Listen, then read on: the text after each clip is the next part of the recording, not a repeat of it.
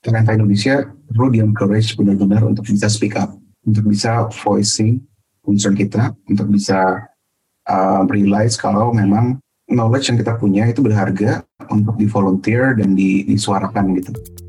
Selamat datang kembali di ceritanya Developer Podcast bersama saya Riza. Dan di podcast ini kita akan mendengarkan cerita dari developer, programmer, software engineer keren tentang masa lalu, masa kini, dan masa depan mereka. Tentang bagaimana mereka memulai karir sebagai developer.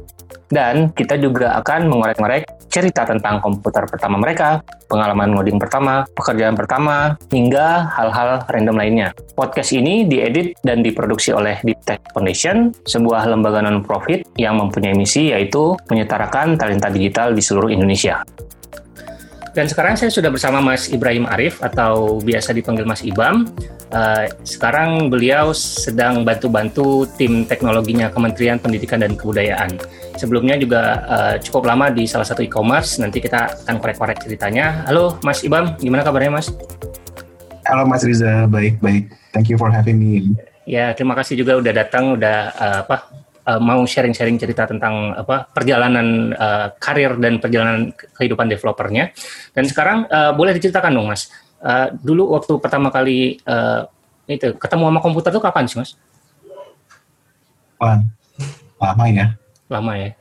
Uh, coba sih ingat dulu. SMP, SMA. Kalau nggak salah tahun SD, Mas. Oh, SD. Oke, okay, SD. SD. Iya, waktu itu tahun 94 kalau nggak salah, 94 95 um, saya ingat banget ibu saya ada laptop dari kantor um, merek ada ya laptop laptop Jepang gitu terus ada trackball yang harus dicolokin ke samping gitu karena dulu tuh nggak ada mouse nggak ada trackpad ya. Uh, jadul banget rasanya cuman dulu aku suka iseng pulang kantor pinjam terus ngoprek nyoba-nyoba banyak kan nyari game sih cuman nggak nemu-nemu. Terus uh, apa? Jadi awal mulanya itu karena ada laptop uh, terus dicoba-coba, terus pengen main game gitu ya.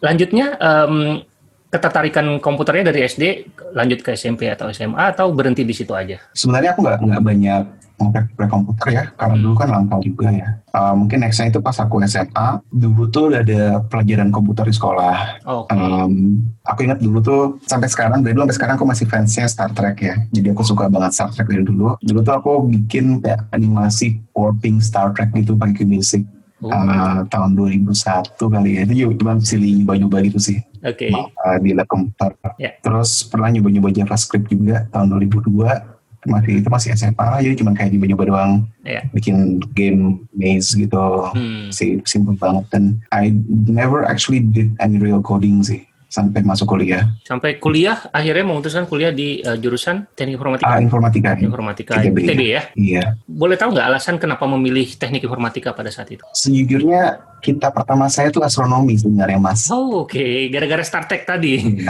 Iya betul, masih masih nyambung, masih nyambung betul. Masih nyambung. Oke. Okay. Waktu kan informatika ITB yang paling susah ya, karena dulu kan belum ada STI, jadi langsung milih program-program studi. Jadi sebenarnya aku milih informatika itu biar aku masuk astronomi. Oh, Oke. Okay. Karena apa ekspektasinya nggak nggak nyampe segitu, ntar jadinya ke pilihan kedua which astronomi gitu. Pas waktu nggak keluar, ternyata masuk informatika ya. Tahunya lulus ya. ya. Pilihan pertamanya lulus ya. Aduh. iya. Ini over expectation banget ya. Malah kebalik. Oke, okay. jadi uh, benar-benar intens apa belajar programming itu berarti awalnya di, bisa dibilang waktu kuliah lah ya. Betul. Hmm. Terus betul, gimana eh, waktu awal pertama kali belajar programming? Kaget kah atau biasa gitu? Udah apa? Aku masih ingat dulu pertama kali aku coding ya, coding beneran gitu ya. Hmm, yeah. Aku dulu nganggap pas aku pakai JavaScript sebelumnya itu bukan coding, kan cuman jalan di browser. Iya, yeah, scripting language ya itu apa yeah, dulu ya istilahnya ya. ya um, dulu tuh pas saya bikin program Pascal pertama ya, bahkan cuma nge-print out hello world gitu. Aku masih ingat pertama kali kau jalan program ya, aku ngerasa wow beneran jalan dong, beneran ada sesuatu di komen lain gitu. Jadi beneran ngerasa ada program yang memang berintegrasi di komputer dan ngasih sebuah input gitu nggak cuma gerak-gerak pakai mouse atau gimana gitu ya. I would say that was a magical moment sih, to be honest ya. Karena selama ini aku penasaran gimana sih caranya bikin program itu memang jalan di komputer, bukan cuma jalan di browser, ternyata bisa juga the end. Oke, okay, nah uh, dari sana kemudian uh, apa uh, setelah lulus dari ITB, terus um, lanjut ya, lanjut kuliah ke Eropa ya kalau nggak salah ya. Iya, tapi nggak langsung sih. Uh, aku sempat ya? kerja dulu setahun. Oh, Iya, oke. itu.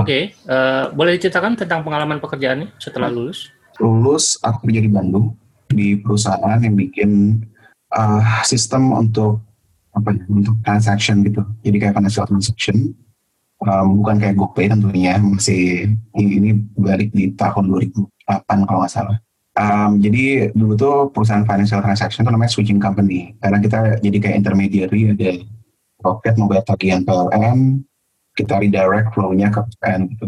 Kalau mau bayar dari redirect yang lain gitu. Jadi itu tipe uh, switching company namanya. Nah dulu tuh aku join ke perusahaannya karena kantornya dekat ITB waktu itu, jadi kayak dekat kampusan. Uh, dan memang dulu niatnya juga adalah aku pengen cuma kerja setahun terus mulai sebenarnya nyari S2 gitu. Nah cuman pas aku join perusahaan itu baru sebulan aku kerja semua backend engineer-nya resign karena karena mereka pada janjian mau bikin startup sendiri waktu itu Oke. dan aku kayak oke semuanya pada resign padahal kita mau launch produknya dua bulan lagi waktu itu Oh, wow. dan masih banyak banget yang belum kelar um, jadinya mungkin masa ter apa ya bisa paling challenging lah gitu um, baru baru lulus tiba-tiba suruh nge lead engineer bukan karena title tapi karena tinggal satu engineer-nya di situ Karena terpaksa ya.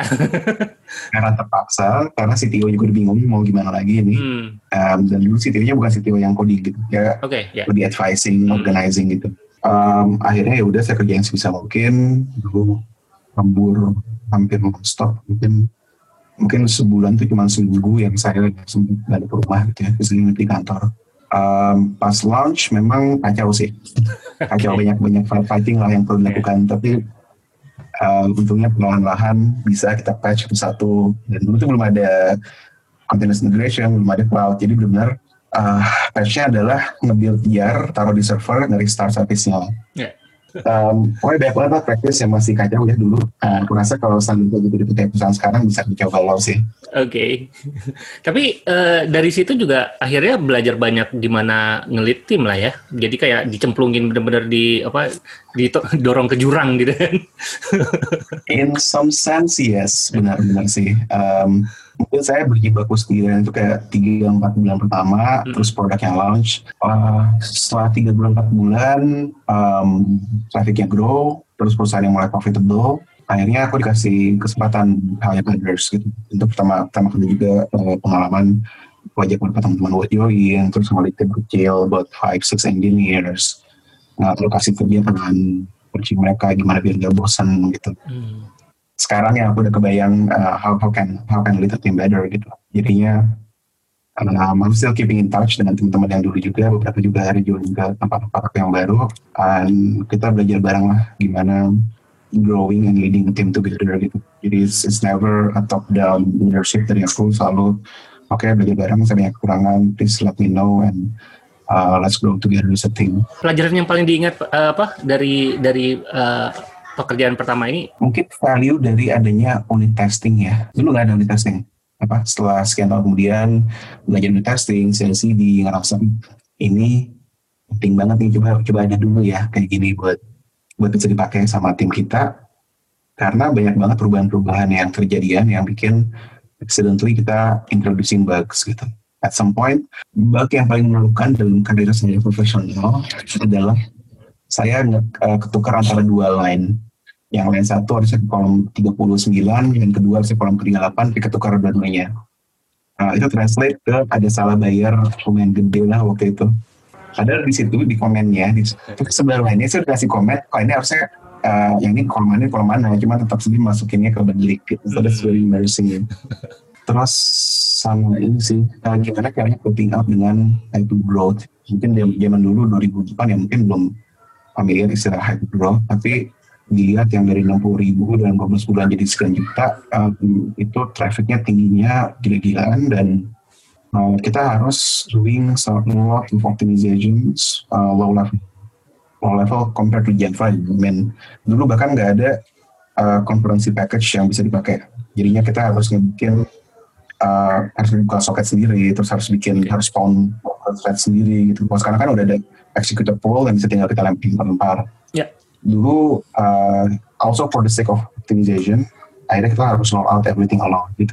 Nah, uh, terus setelah uh, ya beberapa bulan bekerja, uh, akhirnya uh, emang udah niat dari awal kan, ya pengen apa, pengen lanjut uh, kuliah lagi gitu kan. Mungkin bisa diceritakan uh, apa keputusannya pada saat, oh kayaknya nih udah cukup nih pengalaman segini, akhirnya mau kuliah lagi gitu. Oke, okay, um, pertama sebenarnya kejar bukan kuliah lagi, yang kejar adalah beasiswa. Jadinya memang dari awal agreement dengan keluarga juga ya, I'm not going to you know ngeberatin mereka lagi setelah aku lulus. Kalau aku mau S2 aku harus cari beasiswa sendiri.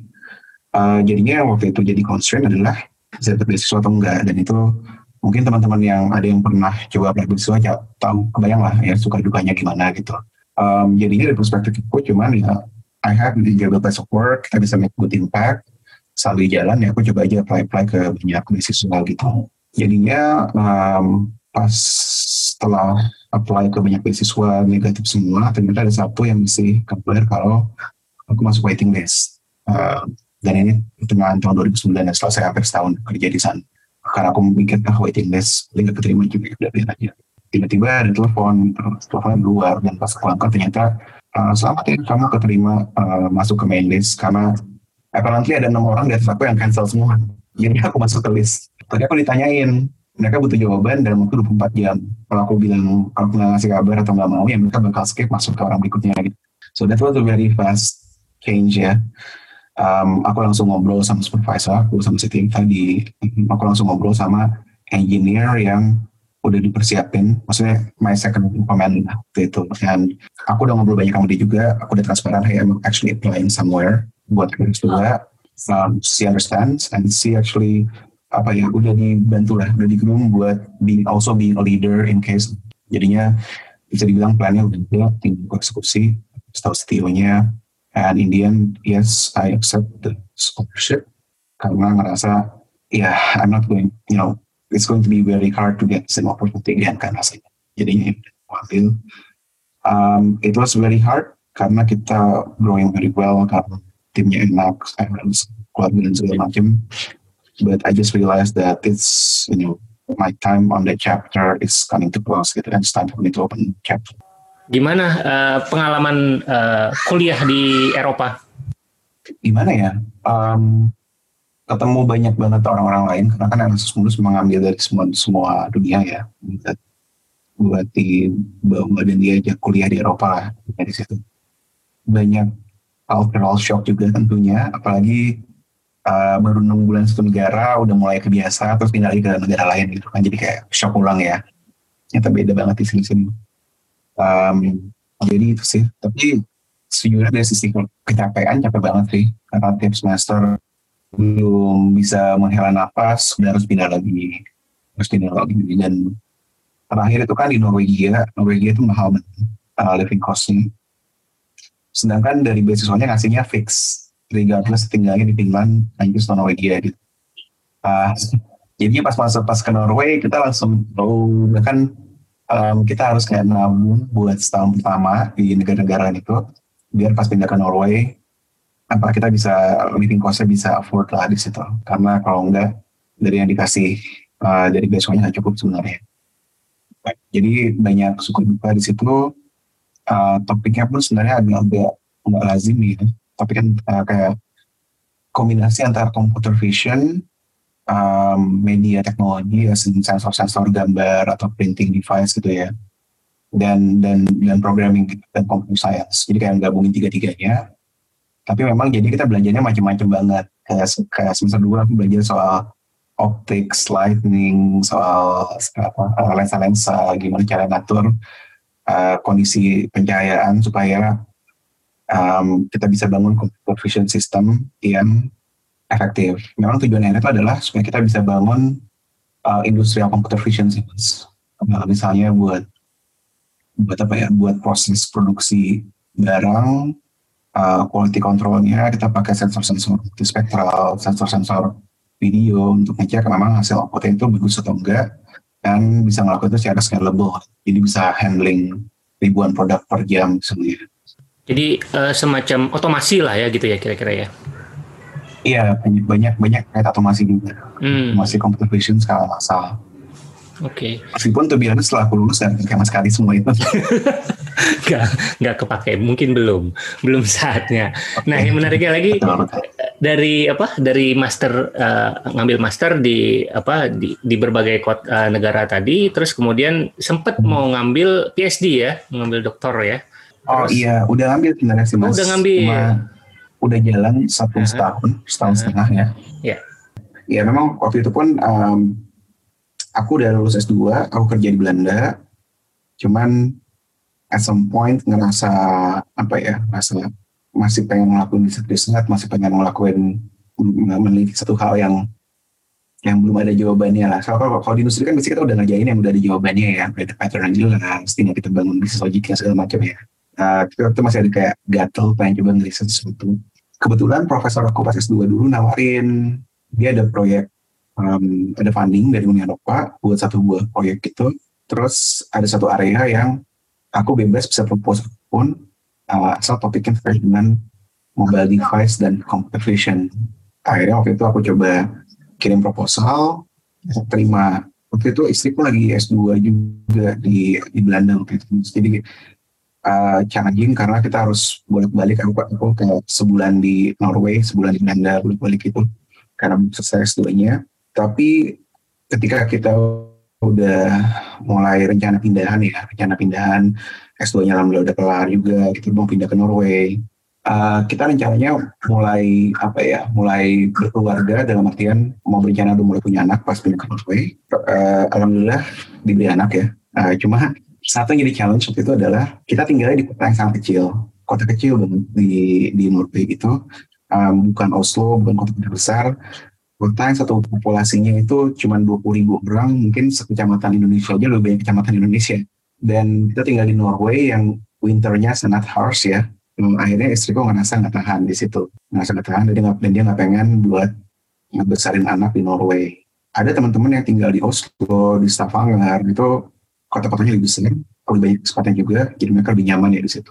Jadinya experience beda banget sama kita yang tinggal di kota universitas, kecil di pelosok gitu ya akhirnya um, aku decide buat resign dari PhD-nya dan balik ke Belanda waktu itu alhamdulillah ada perusahaan yang memang um, cari atau atau mereka mau mulai hire engineer non Belanda waktu itu um, karena mereka mulai apa ya menginternasionalisasikan tim mereka gitu. Um, dan mungkin rezeki bayi juga waktu itu alhamdulillah dalam waktu tiga empat minggu udah ada offer masuk jadi aku bisa decide oke okay, mumpung kehamilannya baru 4 bulan 5 bulan uh, yaudah kita balik lagi ke Belanda gitu. Akhirnya alhamdulillah uh, bisa balik ke Belanda dan dari PhD-nya aku udah officially resign terus setengah jalan. Um, agak sayang memang tapi ya family always comes first sih. Jadinya uh, I still think it was the best decision gitu. Jadi sebenarnya habis uh, master sempat kerja terus uh, mau ngambil uh, udah ngambil uh, doktor terus uh, kerja lagi di Belanda gitu kan. Uh, bisa di share nggak uh, apa sih yang membedakan antara developer di Eropa di Belanda dengan yang uh, di Indonesia lah gitu? Ini aku bicara ini dari perspektif aku sendiri juga ya. Karena pas aku masuk ke lingkungan industri profesional di Belanda aku juga masih banyak bawa uh, kultur dan perspektif pas dulu kerja di Indonesia. Aku ngerasa satu perbedaan paling besar adalah um, kita pemerintah Indonesia perlu di encourage benar-benar untuk bisa speak up, untuk bisa voicing concern kita, untuk bisa um, realize kalau memang knowledge yang kita punya itu berharga untuk di volunteer dan di, disuarakan gitu. Dan sebenarnya di sebuah lingkungan yang baik mereka tuh expecting berharap kita untuk speak up berharap kita bisa volunteering information atau, atau konteks knowledge karena mereka pun butuh uh, masukan berharga dari kita gitu. Nah ini yang dari awal-awal banget aku ngerasa uh, misalnya pas meeting terus aku mau kepikiran mau ngomong sesuatu cuman ah enggak uh, mereka udah tahu. Jadi dia belum ngomongnya ngomong pisah gitu. Sampai aku ingat banget dulu pas aku di Belanda ada kolega aku dia uh, sering ke Indonesia. Dia dia nenek moyangnya ada satu satu orang Indonesia uh, tapi kelihatan dari luar nggak nyangka dia ada keturunan Indonesia ya. Tapi dia jadi sering ke Indonesia dia kayak setahun sekali dia liburan ke Bali buat surfing gitu gitu Terus uh, dia ngobrol sama aku karena dia ngerti ya orang Indonesia gimana, dia sering ke Indonesia. Dia ngasih tau ke aku, kayak Bam, um, I see that you want to say something. Kenapa nggak diomongin aja? So, bilang, ya tapi ntar, uh, ntar lah mungkin ntar aja gue ngomongnya di, di pas pas udah kelar gitu. Gue, gue sampaikan ke uh, kolega yang lain atau atau untuk say gitu. Terus yang bikin terngiang-ngiang adalah dia bilang, men, lo Indonesia banget sih. Gini deh katanya, kalau misalnya lo pengen ngomong sesuatu, tapi ngerasa, ah enggak ah, bayangin aja dan gue di sebelah lo yang bilang, ah udahlah omongin aja, come on, just just speak up, just voice your, your concern gitu. Itu yang jadi pegangan aku banget gitu. Jadinya sejak itu, uh, setiap ada meeting segala macam, aku selalu pikir, oh ya, gue di main ini, dan gue speak up gitu dan itu yang memang uh, kerasa banget ber salah satu cultural shift paling kerasa ya mungkin karena di Indonesia kita udah kebiasa buat apa ya kayak differing ke arah uh, ke ke yang um, sentuh gimana gitu secara kultur ngikutin ngikutin perintah-perintah gitu. Jadinya kita nggak ngerasa kita have an important voice to to be spoken of. Itu yang aku juga pas balik ke Indonesia I really try to encourage others buat speak up. Karena kita really really value your words dan kita nggak nge-hire mereka cuma buat being a yes yes person ya.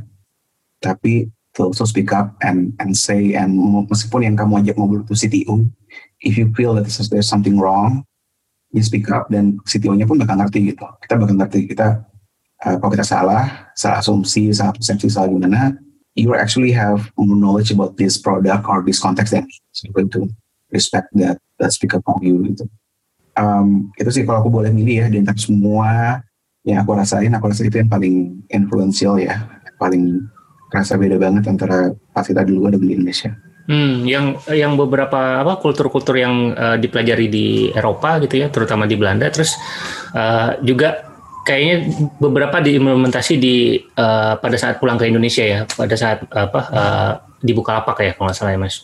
Iya betul, hmm. betul. Oke, okay, uh, waktu itu aku ngerasa beruntung juga karena aku masuk di saat Bukalapak memang hendak melakukan banyak transformasi ya. Um, pas aku join itu Bukalapak masih ada 50-an engineers, very small. Uh, bahkan kayaknya belum valuasinya belum belum sepuluhnya dari yang uh, sekarang sekarang ini ya. Jadinya aku ada kesempatan juga untuk bawa banyak lesson dari perusahaan-perusahaan yang lebih mature. Itu di Belanda perusahaannya itu ada sekitar 300 engineers, jadinya uh, dulu primary purpose kenapa ajak balik adalah buat bantu uh, bikin organisasinya scale up dan lebih mature. At least dari 50 sampai 300 kan banyak misalnya lesson learn ya. Meskipun ternyata ujung-ujungnya kita sampai 100 juga gitu. Jadi kayaknya kita udah way past that mark anyway. Um, mungkin poin-poin yang bisa dibawa itu adalah uh, ngerasa Eropa itu humanisme banget. As in, um, mereka sangat respect terhadap work-life balance, sangat respect terhadap uh, personal apa ya personal space uh, rights rights and responsibilities gimana jadi itu juga yang aku bawa dan dan berhasil make it a good balance working balance di uh, Bukalapak waktu itu. Apa dari sisi kulturnya kita bisa emphasize people to speak up kita bisa emphasize people buat we're not going to ask you to work 80 hours per week buat kita gotong royong juga di merge dengan kultur Indonesia juga ya. Jadi nggak sempat bawa semua dari luar gitu um, merge dengan Indonesia juga yang sangat bagus itu gotong royong buat make sure kita bisa um, moving forward as an organization yang respecting people's rights and and personal space gitu. Jadi kita dulu tuh lembur tuh haram banget sih di mungkin at any given time cuman a few percent people yang sebenarnya lembur itu pun cuman kalau ada emergency situation gitu. So that's that's the way we can maintain balance and Indian aku ngerasa itu translate juga ke productivity yang sangat tinggi gitu. Jadi kita nggak semata-mata dikit-dikit um, kita bakal use data juga buat melihat apakah ini memang urgent atau enggak. Bahkan kalau CEO yang request tapi datanya nggak di support, ya kita bakal oke, okay, but we're going to work on this on Monday. Kita nggak bakal be this over the weekend just because the CEO asked, uh, but the data doesn't say that it's an urgent emergency. Ya ini dari perspektif saya pribadi sih uh, Bukalapak uh, waktu zamannya masih Bam uh, adalah salah satu apa ya company yang culture-nya kuat gitu ya untuk uh, apa engineering timnya gitu. Masih Bam punya ini nggak sih uh, apa uh, sosok engineer yang uh, diidolakan? Elon Musk. Kenapa Elon Musk. Mas? Yes, I mean, yes dia CEO banyak perusahaan gede sekarang, tapi dia first and foremost always an engineer. Gitu. Bahkan dia di SpaceX pun sangat hands on. Dia consider dia itu adalah chief engineer-nya SpaceX gitu ya. Kenapa? Karena um, oke okay, dia dia punya some attitude problem yang bermasalah. Let's put that aside dulu ya. Tapi yang aku sangat admire dari dia adalah dia fokusnya uh, decomposing sebuah problem first principles. Artinya kayak very basic principles gimana. And then nggak cuman nggak accept bahwa when we synthesize that problem lagi jadi solution, nggak nggak cuma nerima ada pakem-pakem yang existing gitu. Misalnya gini, dulu pas dia bikin roket ya, roket yang roket pertama ke bulan itu, eh sorry ke, ke yang dia pengen buat ke Mars itu ya, uh, dia bikin Falcon One. Falcon One itu very basic roket, uh, mesinnya memang mesin baru gitu ya. Uh, tapi kenapa dia kepikiran ada?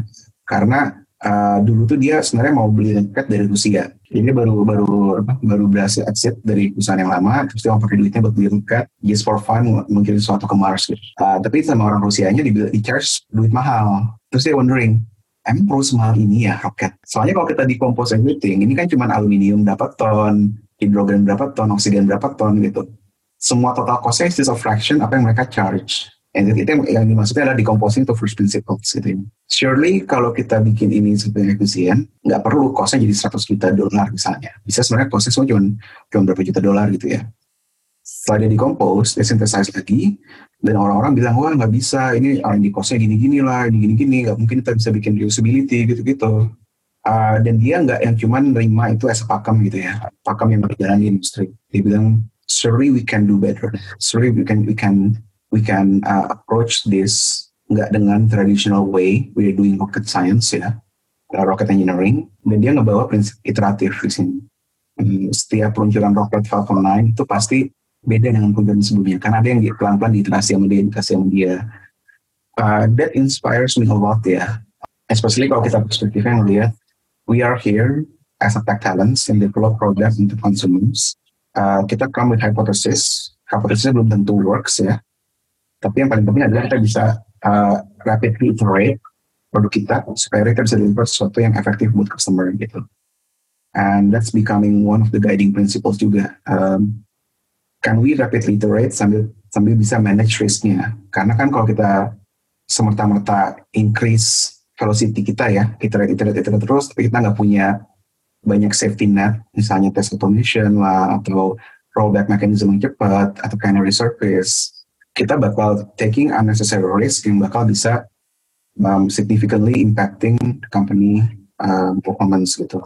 So there should be a balance di sini antara um, taking risk, tetap managing risknya, meskipun kita bisa tetap drive very fast velocity dengan uh, risiko yang ada. Sekarang di uh, Kemendikbud ngerjain apa, Mas? Oh, oke. Okay. Bantu-bantu sih.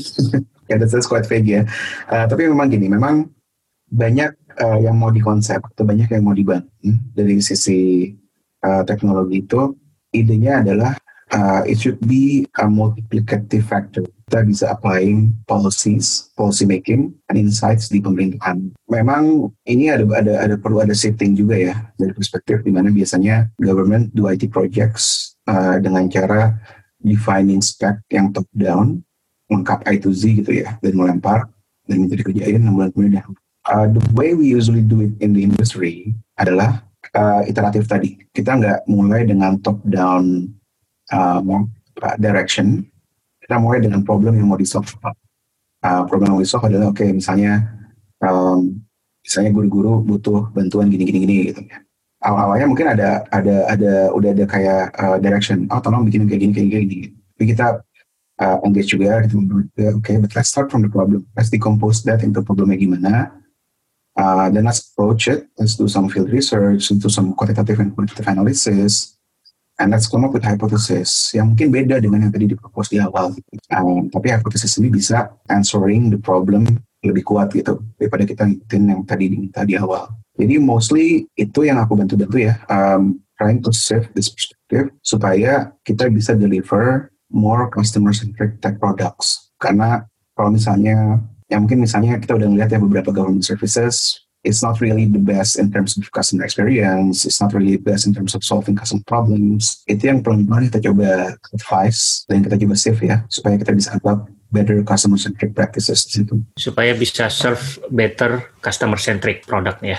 Yes. Teknologi yang lagi di apa diulik sekarang uh, apa mas? Personally aku nggak sempat ngulik-ngulik lagi. Nggak sempat ngulik lagi ya, udah fokus yes. ke ini ya. Um, too many meetings and everything gitu.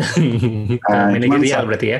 Iya, hmm. cuma satu yang ke mana aku temu dan agak menarik ya, cuma uh, Indian aku cuma bisa minta tolong teman-teman buat tolong analisa dan eksperimen this adalah okay. gimana kita bisa bikin peer-to-peer client. Jadinya misalnya kalau misalnya ada aplikasi yang dipakai sebuah sekolah gitu yang bandwidthnya terbatas gitu ya, uh, peer-to-peer clientnya bisa saling ngebantu buat ngemat bandwidth. Jadi yang kayak gitu yang uh, menarik untuk dieksplor sekarang karena kenyataannya kalau kita mau develop teknologi yang meaningful untuk banyak untuk puluhan juta masyarakat Indonesia ya, kita pun harus conscious bahwa banyak yang infrastruktur masih terbatas. Ini bukan kayak industri yang mereka fokus ke kota-kota besar udah bisa capture like 60-70% of the market and that's probably good enough buat mereka. That's not good enough buat kita di pemerintahan. Kita harus bisa bantu sebanyak mungkin gitu. Jadinya banyak yang kita mulai kulik sekarang itu um, teknologi yang bisa membantu mitigate problem-problem infrastruktur di lapangan. Jadinya ini kita nggak sendirian ya kan ada teman-teman internal juga di kementerian yang membantu approach dari other side kita gimana kita bisa improve infrastruktur di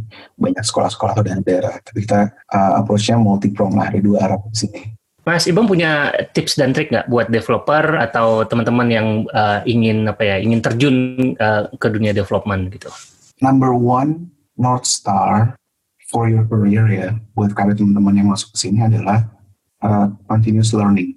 Learning itu pasti nggak bakal selesai, nggak bakal berhenti. Um, aku dulu pasti buka lapak, total aku mungkin interview about 500 to 600 candidates selama aku tiga tahun di sana ya number one reason yang aku dengar dari teman-teman yang apply ya, kenapa kamu pengen pindah adalah merasa mereka udah stagnan, mereka udah nggak bisa belajar di tempat tempat mereka yang sekarang. Jadi mereka pengen pergi dan cari pembelajaran tempat yang lebih baik. Dan mudah-mudahan sih Bukalapak bisa provide itu better ya. Oke itu. Aku nggak pengen teman-teman finding it out the hard way gitu ya. Coba jalan aja setelah buat sebuah perusahaan, tapi ngerasa stagnan segala macam. Baru at some point ngerasa, oh iya ya harusnya Nah, harusnya fokusku dalam karir ini adalah untuk bisa belajar mungkin sebisa mungkin. Jadinya bakal bagus buat yang baru mau masuk sebuah bidang gitu ya, masuk ke industri kita, selalu jadikan Star kamu gimana saya bisa belajar lebih cepat dan uh, misalnya secara proaktif minta tolong ke manajernya atau ke yang lebih senior untuk di mentor secara proaktif bikin acara sharing-sharing misalnya di, di sebuah di, di internal perusahaan gitu. Atau jauh join komunitas-komunitas sebenarnya bisa belajar juga dari yang lebih dulu ya karena um, gaining knowledge should be your number one assets dalam karir. Um, dan kalau at some point memang ngerasa udah nggak bisa lagi belajar yang sekarang mungkin saatnya consider either coba merubah tempatnya supaya bisa belajar lebih banyak lagi atau merubah tempatnya yang pindah tempat lagi belajar lebih banyak lagi gitu. Jadi um, itu yang aku temuin sih masih lagi dari dari pattern interview banyak orang juga. Uh, I think being able to to to build powerful learning culture buat organisasi dan buat pribadi itu bakal ngasih amazing impact ke apa ke ke growth seorang engineer. Dan ada ada kaitannya juga di sini. Uh, dengan perspektif being able to learn kita harus tetap selalu stay humble juga. Uh, karena at some point kita ngerasa oh, kita udah experience banyak kita tuh senior misalnya. Kita bakal ngerasa eh gue yang paling jago di sini atau gimana gitu ya um, please, please, please stay humble in regard ya. Terus um, it's not about ada orang lebih skillful. It's about there's so many things untuk in a way. Jadinya kalau kamu ngerasa udah kayak gitu, it's actually going to be the for your career gitu. So both combinations, keep on learning and also staying humble. I think that's very important kalau mau stars buat karir seorang karena aku ngerasa seorang engineers um, jadi jadi masuk ke level senior ya itu bukan sepenuhnya karena skill teknisnya. Aku merasa justru majority of the reason kenapa seorang masuk ke level senior adalah karena dia udah grow, being more mature engineer dan bisa um, apa bisa bisa bisa adopt more positive attitude dan influential yang lain juga. So I think that's that's very important uh, for engineers. Oke, okay. nah ini perlu di highlight banget nih. Jadi banyak uh, developer-developer yang mentok di junior gitu, nggak bisa merasa susah naik uh, naik level gitu ya. Berarti bukan hanya hard skillnya yang harus diasah, tapi justru soft skillnya yang harus lebih banyak uh, berkembang gitu ya, kira-kira ya. Mungkin punya Mas Ibam punya rekomendasi buku atau artikel atau resource gitu buat teman-teman belajar uh, tentang ya soft skill tadi atau yang berhubungan dengan hard skill juga boleh gitu. Ini ada? Uh, apa ya? Saya tuh biasa bacanya sekarang novel-novel santai aja ya karena udah capek di kantor. Anyway, kalau rekomendasi novel saya ada rekomendasi novel. Tapi dipikir-pikir memang novel ini ngaruhin juga sih ke sisi ya, being able to navigate, understand so many soft skills So novelnya tuh judulnya, uh, sorry autornya dulu ya, autornya Kim Stanley Robinson. Dia penulis science fiction, tapi science fiction dia itu bukan science fiction yang yang teknis kayak Star Trek atau fantasi kayak Star Wars ya. Science fiction itu selalu tentang selalu yang grounded in reality. Gitu. Jadi dia, dia setting misalnya uh, dunia tahun 2000, 2080 gitu. Tapi dia melihat implikasi sosiopolitiknya gimana, implikasi ke uh, apa ke uh, kultur tuh gimana segala macam gitu. So so itu bikin aku kaget pertama kali aku baca karena sebelumnya aku baca science fiction, really love science fictions. Itu selalu yang posisinya ke arah tekniknya gitu, ke arah sainsnya. Gitu. Ternyata ada banyak sekali aspek uh, yang bisa diekstrapolasi, yang bisa dibahas dan ini sebenarnya powernya dari Kim Stanley Robinson karena dia menganalisa um, all the social social cultural uh, impact juga dari teknologi. Ada novel trilogi sebenarnya trilogi itu Red Mars, Green Mars, dan Blue Mars. Jadi orang sebutnya itu Mars Trilogy ya. Um, di mana dia ngeliat implikasinya dari kolonisasi manusia di Mars dari yang cuma beberapa ratus orang doang sampai akhirnya jutaan orang tinggal di Mars dan for Mars gitu dan uh, it's very heavy in terms of social political implications. Jadi di situ misalnya ada satu section tentang gimana dia ngebawa berbagai macam orang-orang dengan background berbeda di Mars gitu ya. Bisa kolaborate bareng dan dan come up with a, with a deklarasi bareng gitu itu very refreshing ya karena meskipun meskipun science fiction tapi banyak juga pelajaran yang aku merasa bisa diambil dari situ tentang uh, organization dan social politics gitu. Oke okay, nah sekarang tapi buat buat yang agak serius ya nggak cuma novel gitu uh, yang agak serius um, satu yang aku rekomend dan ini bagian transisi aku pas masih jadi pas masuk jadi manajemen ya uh, adalah buku judulnya Phoenix Project. Uh, Phoenix Project itu subtitlenya adalah novel about IT, DevOps, and helping your business win. Ya, tapi sebenarnya jadi itu adalah mereka ngadain hypothetical scenario di mana sebuah perusahaan yang very very dysfunctional uh, ada orang baru masuk ya kita tahu baru orang baru dipromot itu dan itu dikasih responsibility banyak uh, kacau banget organisasinya tapi jadinya bisa perlahan-lahan dia ngebawa struktur dan uh, influence others menjadi lebih betul. Buat akhirnya uh, perusahaan lebih rapi prosesnya lebih jelas orang-orang lebih align semua tim lebih align. Dan uh, aku take a lot of amazing inspiration dari situ pas pertama masuk jadi manajemen karena uh, mau seberapa rapi pun perusahaan kita masih tetap banyak lessons yang bisa dibaca dari novel itu uh, tentang banyak sekali strategi-strategi untuk improving the process for the organization. And when I say process, elemen terpentingnya adalah people dari proses itu. Kita nggak mungkin cuma define top down harus gini-gini gini. Kita harus bisa juga uh, doing some approach, listening dari orang-orang itu gimana, konsumennya gimana, coming up with suggestions, and then adapting, influencing slowly supaya orang-orang bisa on board. So, that's I think that's amazing ya. Um, regardless of where you are in your journey, kalau misalnya masih engineer engineer engineer engineer sekalipun baca itu can inspire you on um, you know there are larger things that can we that can we share together besides technical problems gitu. Karena softwares zaman zaman sekarang is an amazingly collaborative process. Gone were the days di mana uh, engineer bisa ngerjain sebuah sebuah software sendirian doang. Sekarang software itu harus kolaborasi belasan puluhan orang. So That's why um, being able to see the perspective dari perusahaan yang kacau banget dari perspektif manajemen ya can help you even if you um, even if you're still engineer, engineer misalnya um, to see that oh okay um, this is how the top level are seeing all these problems and this is how they come up with solutions or problems and mungkin I can try to suggest some of these as well to ke manajer aku dan sebagainya. So I think that's, that's an amazing book yang yeah. really help me a lot mas. Ya, ya, menarik sekali rekomendasinya. Walaupun novel, tapi tetap ada pelajaran yang bisa kita ambil ya, luar biasa. Nah, uh, sekarang kalau ada teman-teman pendengar yang pengen ngobrol sama Mas Ibam, uh, boleh di-share nggak Mas um, sosial media yang paling aktif di mana? Mungkin Telegram ya. Telegram. Tapi, yes. Um, tapi kalau sosial media kan LinkedIn sih yang paling paling uh, ini. Apa udah terlalu sibuk uh, jadi nggak sempat main sosial media ya? yes. Yes, and I, I try to stay away from Twitter misalnya karena ya yeah, um, there's so many things out there. Aku kadang-kadang overwhelmed with all the information that's there gitu ya. Uh, social media the closest would be LinkedIn. Kadang-kadang people add me and then um, apa and then they can kan kalau add tuh bisa kasih note. Kadang ada yang nggak mau bilang mas saya mau nanya dong soal gini-gini gak jadi jelas kan oh ya oh ya oke okay, aku saya terus ngobrol-ngobrol gitu kan okay. bikin message kayak gitu kan enak ya ya LinkedIn atau Telegram ya yang paling uh, masih bam ini salah satu orang yang cukup banyak berada di grup-grup Telegram dan jadi admin oh, juga. Yes, yes. Uh, itu karena ini sih karena um, awal pertama aku pengen melihat ada nggak sih tanda-tanda bagus yang bisa diajak join gitu. Uh, yeah, itu salah satu motifnya.